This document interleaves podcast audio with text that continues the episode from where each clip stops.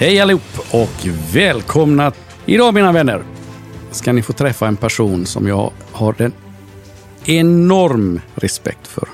En person som har gjort så mycket mer än vad de flesta inser. Personen gör inte bara skillnad hela tiden, utan har gjort så enormt mycket i sitt liv. Så att jag inser att de här stunden vi har kommer bara räcka till att scratcha på den här personens livs yta.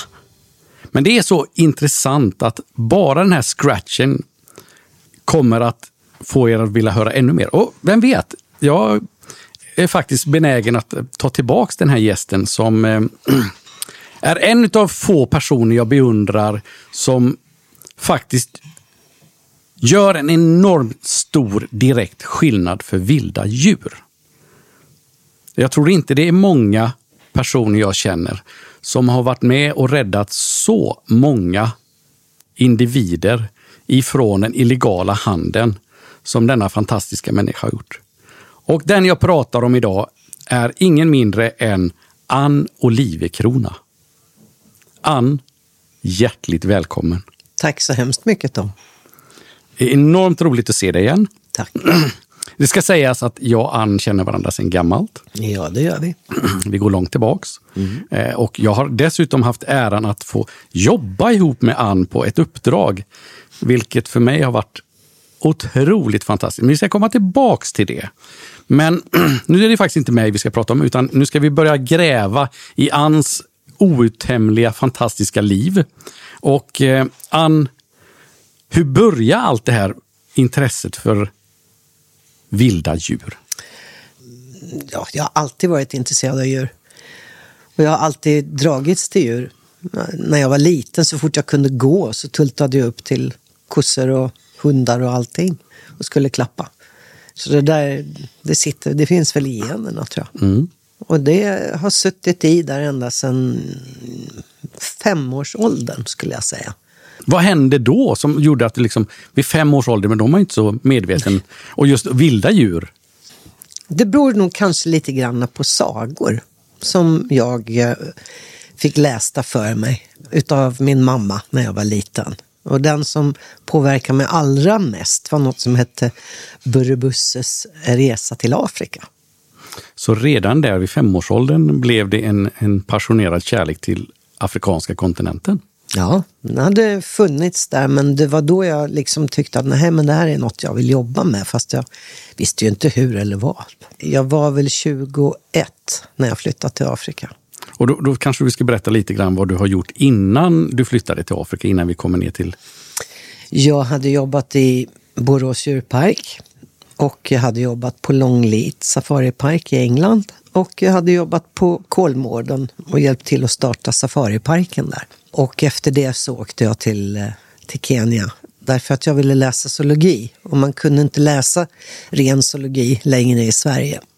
Så att, eh, men då fick jag reda på att det fanns ett, som det heter, Oxford Affiliated universitet i Nairobi.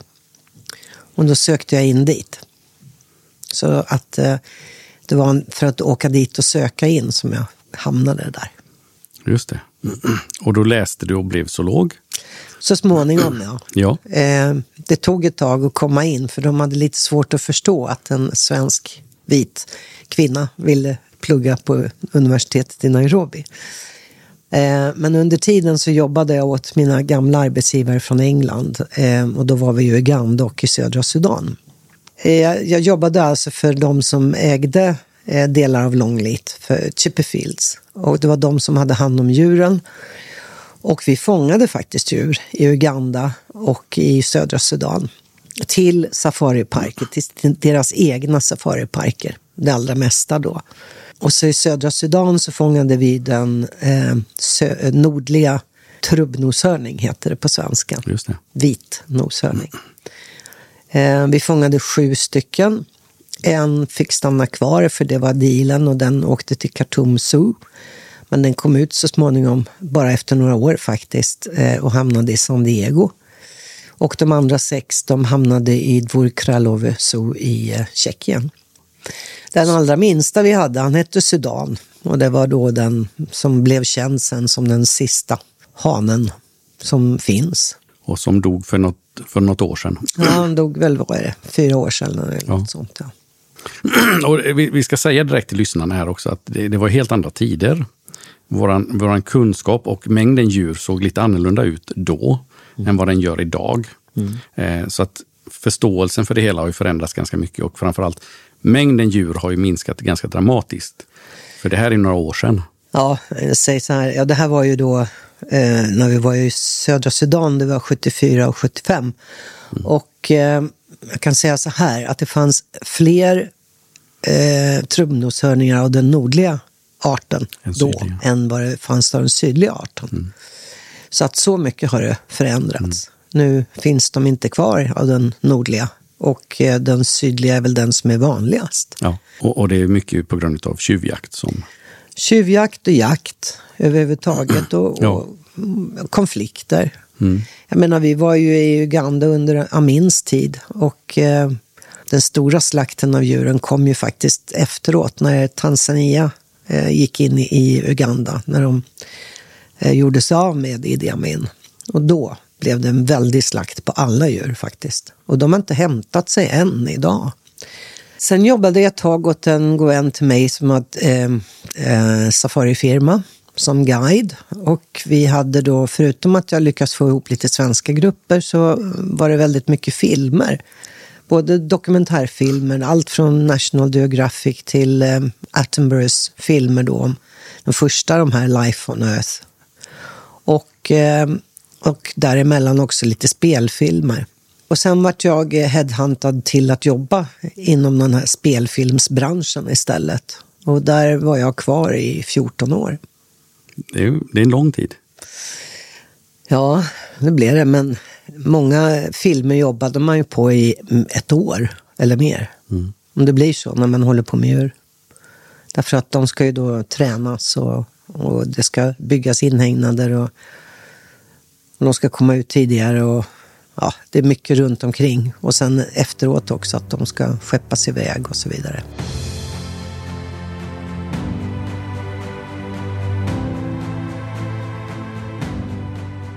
När under den här processen börjar du rikta in dig mer mot artbevarande? För det, det är ju en process oftast. Ja, det blev ju, eftersom åren gick, så blev det ju mer och mer markant att det som vi har tagit för givet började på att försvinna. Och det blev stramare och stramare klimat kan man säga på det hela. Och det var ju så att eh, jag blev faktiskt tillfrågad om jag kunde ta över ett schimpansreservat i eh, Kenya. Jag har ju jobbat med schimpanser tidigare i mitt liv. Ehm, så de kände jag ju till. Så jag gjorde det.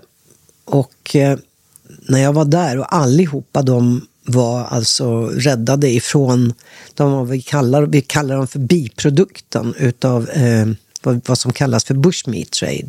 Det är alltså regnskogskött.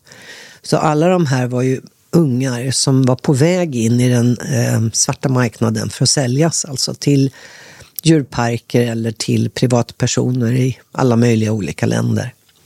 Framförallt Östeuropa och Asien och arabländerna. Och det här har hårdnat och blivit mer och mer och mer eh, markant och faktiskt ökat. Den här handeln har ökat, illegala handeln har ökat nu enormt. Så det blir bara värre och värre. Man trodde ju kanske att det skulle bli bättre. Men så är det inte tyvärr. Och det är, nu är det ju nere på väldigt många olika arter som har helt plötsligt blivit mer eller mindre utrotningshotade på grund av en, vad ska man säga, vidskeplighet ifrån kineser framför allt. Att eh, myrkottarnas fjäll, att det, det är en slags medicin. Eh, mycket sån här vad de kallar för gammal kinesisk eh, läkekonst som bara är baserat på myter egentligen. Och eh, nu sätter alla dessa djur livet till på grund av detta. Och det fungerar ju inte. Och det tas väldigt liten hänsyn till eh, den biologiska mångfalden idag. ifrån många länder på grund av att det är diktaturer eller att det vansköts på olika sätt. Dessutom är länderna ganska stora. Sen får man väl också säga att västvärlden har väldigt mycket fel därför att de är duktiga på att framförallt i, Asien, i, förlåt, i Afrika så är EU och framförallt Frankrike och Tyskland är där och hugger ner regnskogen och har gjort i årtionden. Mm. Eh, och det pratas det väldigt tyst om. Man kan inte hålla på och hugga ner regnskog. Det har vi ju sett i Asien vad som händer när de odlar palmolja istället och förstör. Eh, att det, då, för, då försvinner ju allt. Eh, hela djur, all, alla djuren därifrån. Så mm. att det blir ju helt tomt. Och eh, det är på väg att bli likadant i Afrika. Och där bär vi skulden, inte Afrika. Så att det, det tål att tänka på. Mm. Ja, det är ju vi som handlar deras produkter som... Ja, och det stämplas åt alla håll och kanter. Men de här stämplarna är ju inte värda mycket enligt mig. Ja, det blir ju en effekt av den illegala handeln faktiskt. Kan vi säga. Ja, det. det. Nu hoppar jag tillbaka igen till, för här finns det mycket vi kan prata om, både jag och Ann, om just den illegala handeln. Men nu är jag faktiskt igen lite mer intresserad. Du började med schimpanserna på det här mm. reservatet. Mm. Hur länge höll du på med det? I tio år. I tio år, ja. Men väldigt snart så fick jag ju då samtal ifrån eh, ska jag säga, den första som jag åkte och hämtade var faktiskt i, eh, eh i, i eh, Sharjah i Emiraterna fick ett samtal från en, en gammal eh, god vän, kan man säga, en bekant ifrån, som jag lärt känna genom Europeiska djurparksföreningen. En, förlåt, en holländare som jobbar där. Och de hade, det hade beslagtagits en, en schimpans, en liten schimpansunge. Utav IUCN hade gjort det faktiskt, i Abu Dhabi. Eh, den satt på marknaden där med en Eh, prislapp på huvudet. Och eh, togs till det här breeding center i Sharjah för att de hade ingenstans att göra av den. Och de hade ju egentligen inte facilitet för den heller. Så att de, då ringde de mig för de visste att jag skötte schimpansreservat och frågade om jag kunde hämta den. Och då började jag med alla papper. Det är en djungel. Det ska till en massa tillstånd.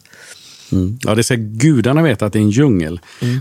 Papperstillstånd är... Och jag har ju haft äran att jobbat med han när vi har hämtat djur från illegala handeln. Och eh, det är... Permar inte nog för att eh, uttrycka hur mycket papper det är. Nej, det är, det är en kasse full. Ja. Därför att alla ska ha kopior åt alla håll och kanter och det ska vara tillstånd åt alla håll och kanter. Ja, och, och det, det minsta fel så får du börja om från början. Ja, nej, det, får, det är inga, inga, fel utan man får bara samla på sig mer och mer. Det är ju så, när man ska göra det lagligt. Och, ja. eh, men i alla fall, så han kom, Zi, vi flög. Kenny Airways var väldigt snälla och bjöd på biljetten. Och eh, han fick faktiskt sitta i sin, en liten sån här hundlåda i kabinen med mig. Så att eh, han satt på ett säte. Mm, just det. Och eh, det ska ju sägas också, när det gäller illegala, eller illegala handeln på schimpanser så är det ju de små ungarna de faktiskt säljer och dealar med. Mm. Eh, så att man, man dödar ju oftast hela familjegrupper för att komma åt de små barnen. Ja, man kan säga så här att det, det finns ju båda delarna. Man dödar de stora grupperna därför att man vill åt köttet där också. Därför att eh, eh, människoapors kött, schimpanser, gorillor, det anses som en delikatess mm. hos många centralafrikaner. Eh, Just det. Och det innebär att då får man bonusen får man också. Köpet. Ja. ja. Och då är de inte värda köttpriset. Och då säljer man dem levande istället, eller försöker att göra det. Och han hamnade sedan på det reservatet mm. du var på? Mm. Och sen dröjde det inte så länge så fick jag ett uh, samtal ifrån en, um, en uh, holländska, så vi är fortfarande mycket goda vänner, uh, som jobbade för Unicef uppe i södra Sudan. Och det här var mitt under kriget. Eh, hon var i Jambio som ligger på gränsen till eh, DRC, alltså Kongo. Och hon ringde mig på en satellittelefon. Hon hade fått mitt nummer ifrån en, en gemensam bekant.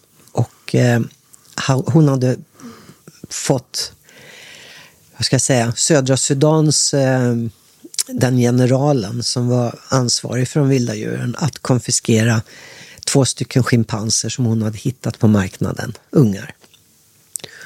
Och det hade, hade gjorts och hon skötte om dem och nu letade hon efter någonstans att, kunna ta dem till. Och då berättade hon för mig också att det fanns två till som satt i en, en annan stad som heter Nimele. Som ligger på gränsen till Uganda. Och eh, de hade skickats dit för att det var någon katolsk missionsstation där som hade hand om dem. Så det var de här fyra aporna att hämta. Så att eh, då, då skulle det ordnas. Och eh, det var inte så lätt eftersom det var krig mellan Nord och Sydsudan officiellt.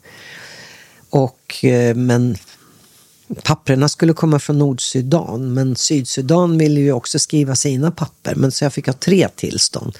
Ett från Nordsudan, ett från Sydsudan och ett från Kenya. Ja. och så gällde det att visa rätt tillstånd mm. var man nu råkar vara. Och, och, det ska väl sägas också bara snabbt flika in att Sydsudan är ju egentligen bara ett transitland. Mm. För att de har ju inga egna schimpanser utan de kommer från, oftast från DRC som du sa. Ja, de fanns väl och kanske går över gränsen ibland. Mm. Just i det här området som vi pratade om. Ja, just det. Men eh, i och med att det varit så mycket konflikter så har de väl inte varit där på ett tag. Eh, så att det är väl DRC de kommer. Men den stora gruppen schimpanser, de största grupperingar av schimpanser än idag finns just i DRC och på andra sidan gränsen och upp mot eh, Centralafrikanska republiken. Det är där en majoriteten av dem i det vilda finns än idag. Så då är det lämpligt att ta dem över gränsen in till Sydsudan och försöka få upp dem till Egypten. Mm. Och sen så skeppas de därifrån.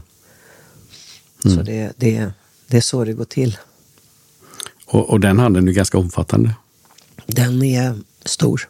Och sen en del går då in i Centralafrikanska republiken till Bangui och sen vidare in till Kamerun och så skeppas de ifrån Kamerun. Så det är, det är handel åt alla håll liksom och eh, den illegala handeln. Det här är, den ökar mm. hela tiden. Och via Egypten är det då arabvärlden och sen Asien som är slutdestination. Ja, många länder i, i arab, arabländerna är slutdestination okay. också idag. Ja. Plus, ja. Eh, ska man säga, även sådana länder som Iran, Irak, eh, Uzbekistan, Kazakstan har varit även Ukraina. Sådana här länder också. Och, och vad, vad, vill de med schimpanserna till? Ja, en del är det status att ha en schimpans. Eh, när de är små naturligtvis. Jag tror många förstår inte att de växer upp och blir potentiellt farliga djur. Eh, de är små och gulliga. Eh, många i arabländerna vill de ha dem som någon slags, eh, jag vet inte, levande dockor till sina barn. Det funkar ju bara tills de börjar bitas. Och ja, det här igen då liksom statusen. Mm. Och det är klart att det håller ju inte så länge. Och så gör man sig av med dem och skaffar nya. Det är därför som det, den här, det här pågår hela tiden. Neverending story, ja. Och i eh, Asien och då framförallt Kina. Där går de till djurparker eller så kallade safariparker. Men på de här ställena har man arenor där man har cirkusuppvisningar. Och eh, de bankar alltså på dem och slår dem för att få dem att göra konster.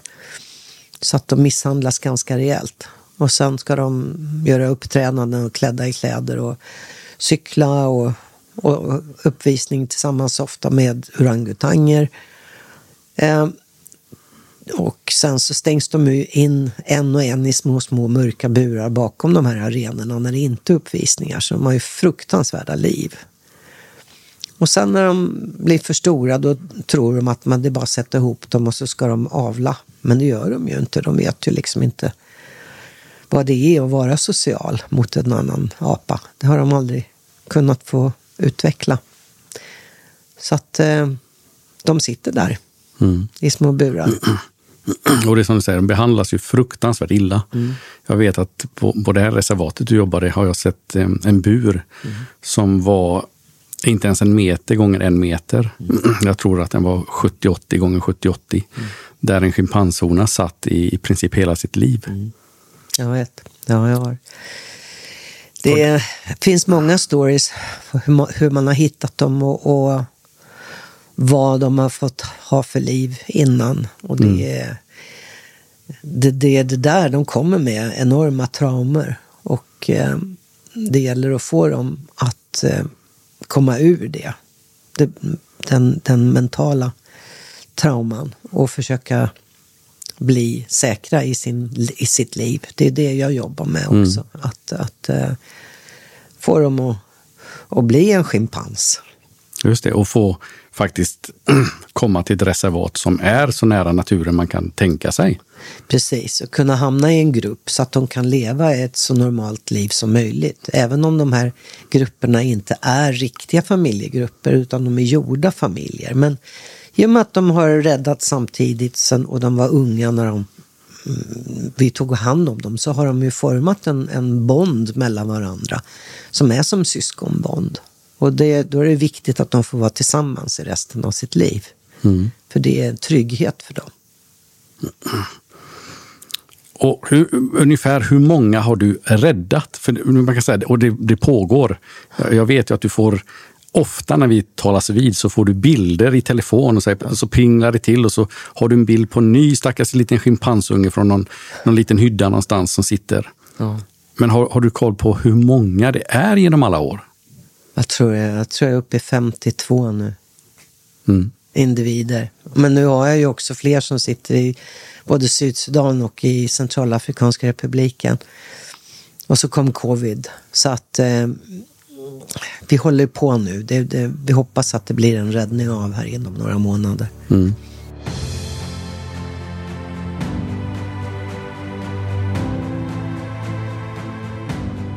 Som sagt, jag har haft äran att, att vara med dig på ett uppdrag mm. där, där, vi plockade ut tre stycken schimpanser. Eh, och vi, vi, ska återkomma till den resan, för den, den måste beskrivas. Eh, för det var en det var verkligen en ögonöppnare för mig. Mm. Eh, för, för, jag menar, jag kommer också från liknande värld som du gör. Men jag förstod nog inte vilket extremt jobb du gör förrän man är med dig på plats. Och hur du bonkar huvudet blodig mot militären, mot generalerna.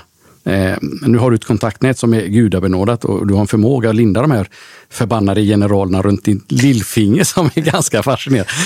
Jag måste säga innan du får fortsätta här, jag har aldrig sett en människa gå in i ett rum med hårdnackade generaler och få dem allihop att sitta som små lydiga hundar efter att ha diskuterat och argumenterat med dem och sagt att så här och så här ska jag ha det, och så här och här ska vi göra.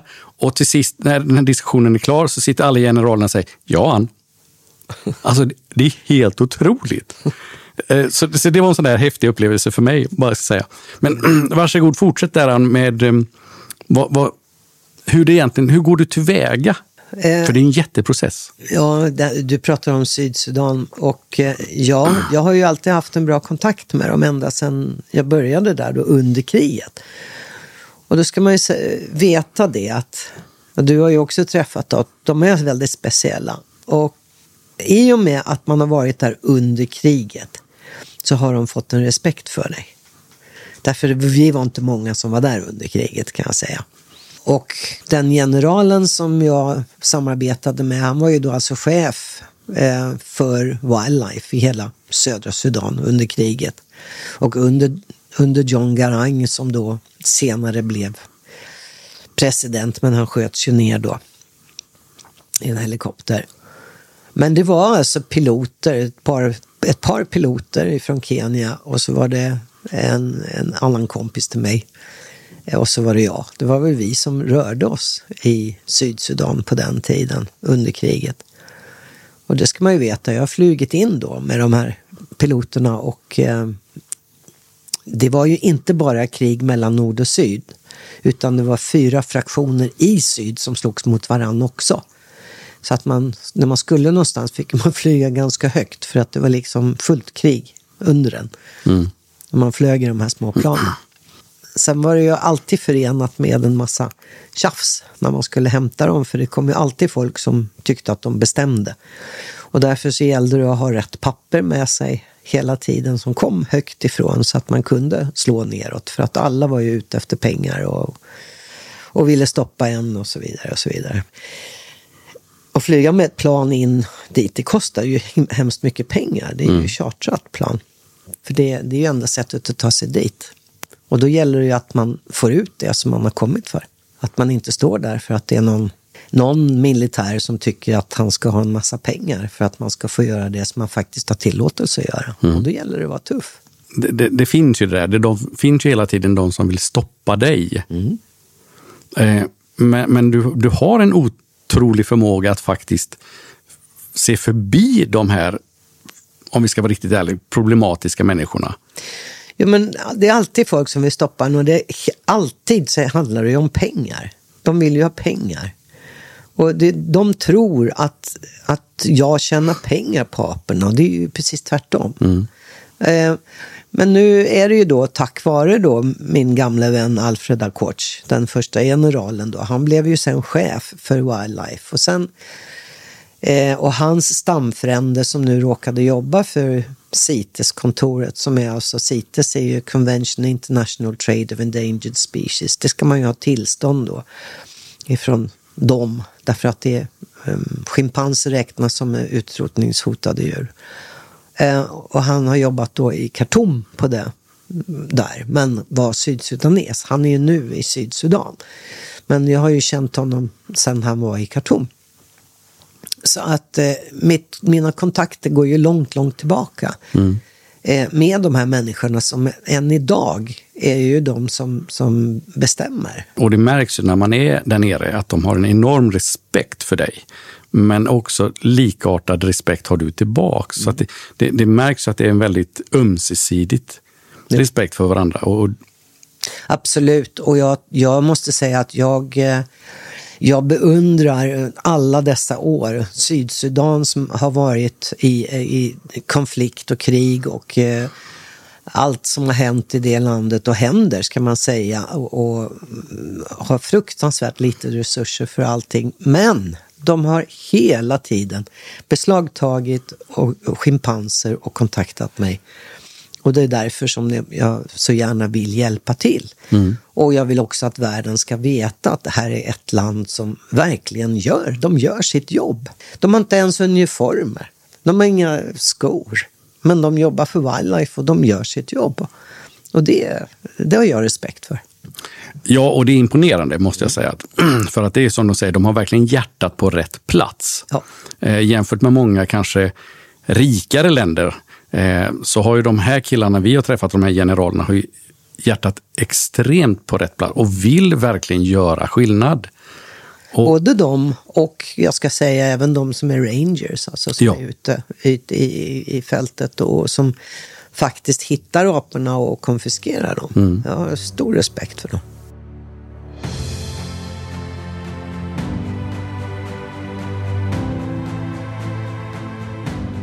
Vi kan gå in på den, våran gemensamma lilla tripp, så kan folk få en uppfattning om hur det faktiskt går tillväga steg för steg när vi, vi kommer ner. För det, det, ska sägas, du är tvungen att få finansiärer. Mm. Det här förstår jag, för det här är ingenting du har råd med själv.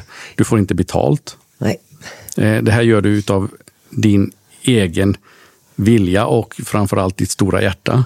Eh, så det, du, först måste du då hitta pengar. Mm för att få ut de här stackars individerna som sitter. Mm. Eller som, som du lyckades när vi var nere, lyckas få ett flygbolag att eh, göra det i princip gratis. Mm. Flyga ut dem. Men det ska ändå alla pengar till för alla tillstånd och allt sånt där.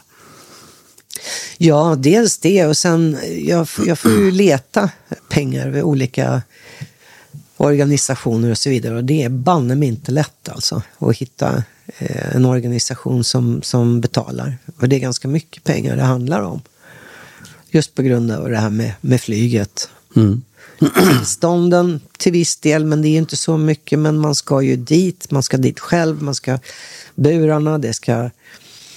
Eh, man måste ju bo någonstans medan man fixar praktiskt alla tillstånd. Även om allting liksom är nästan klart så tar det ju sina dagar. Och, eh, och sen så ska det ju flygas då till, till reservaten. Nu tar, har jag ju tagit dem till Zambia. Där de kommer ut som det känns i det fria? Ja, det är det. Och stort och, och bra. Och bra skött. Så mm. att det, eh, det känns bra att ta dit dem. Och, eh, men som sagt, det är, det är krångliga resor.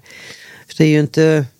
De, oftast så konfiskeras de och, och sitter ju inte på de enklaste ställena här i världen. Utan det är ju ganska så knepigt att, att få dem till dit de ska. Jambio är, på gränsen emot eh, Kongo. Det är endast charterflyg som går dit. Eh, om man tar dem på reguljärflyg så blir det alldeles för långa resor sen bara ifrån Juba via Nairobi till Ndola. Det blir övernattning i Nairobi och det blir väldigt, väldigt krångligt. Och därför blir det att det blir ett privatplan.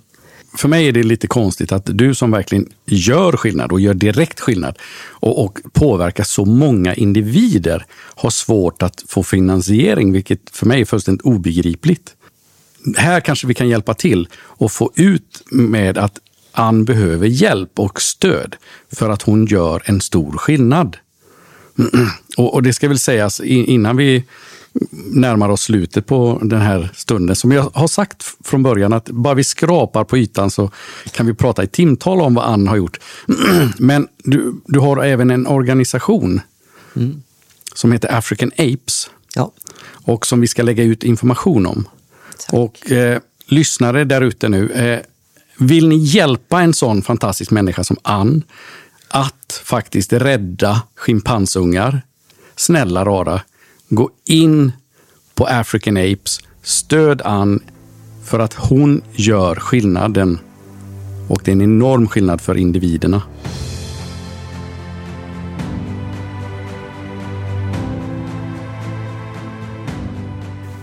Jag har en liten sak som jag tyckte var lite roligt när vi var i södra Sudan. Mm.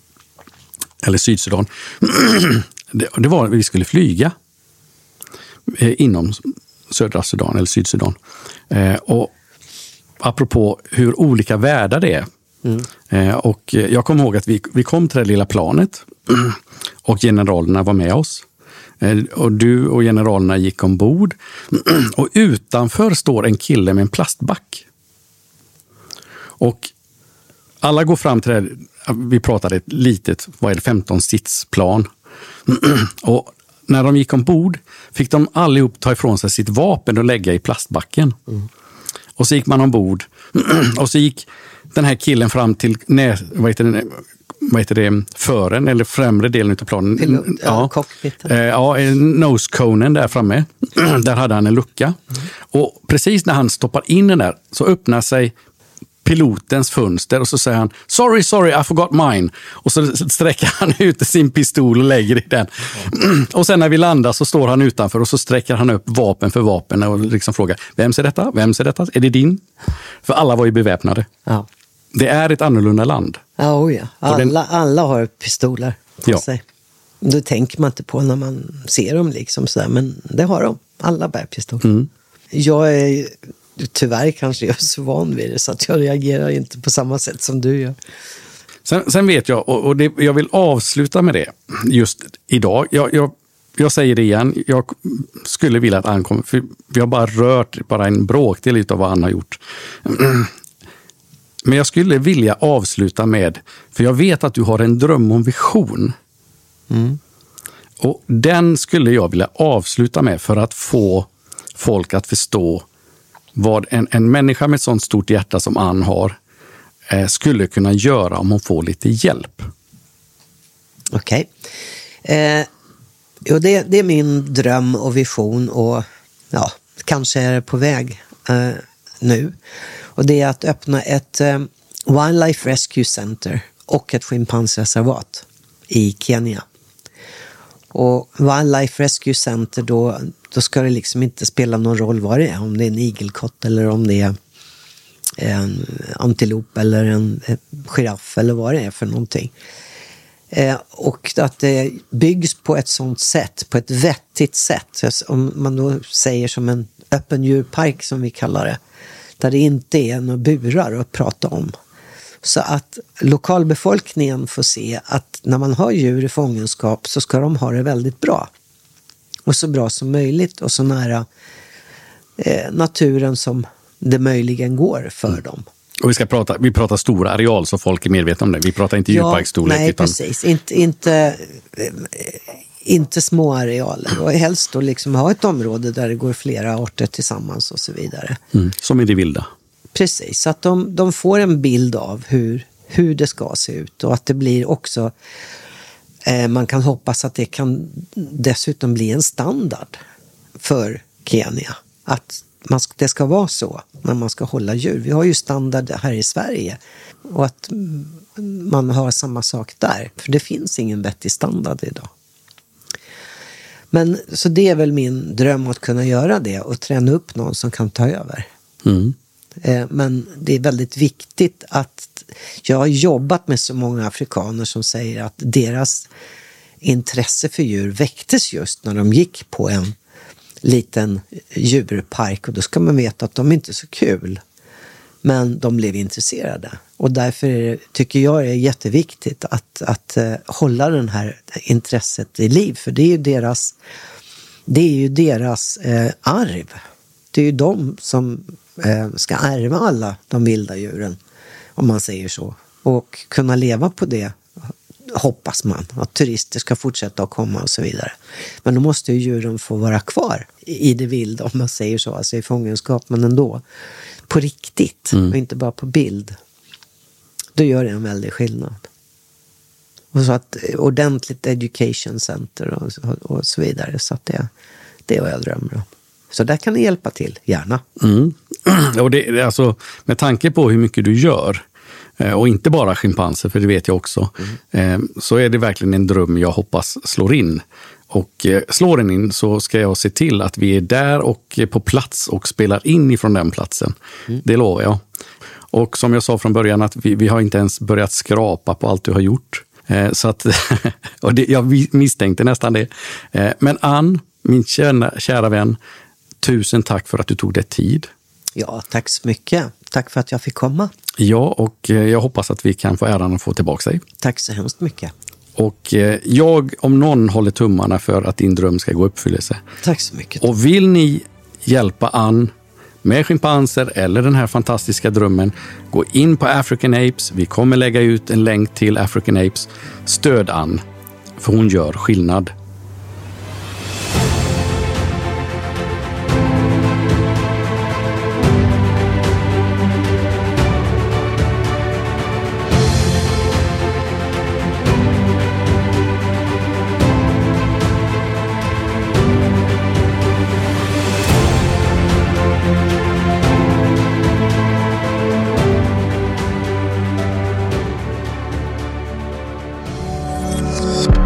Thank you for listening to this Polpo original. You've been amazing.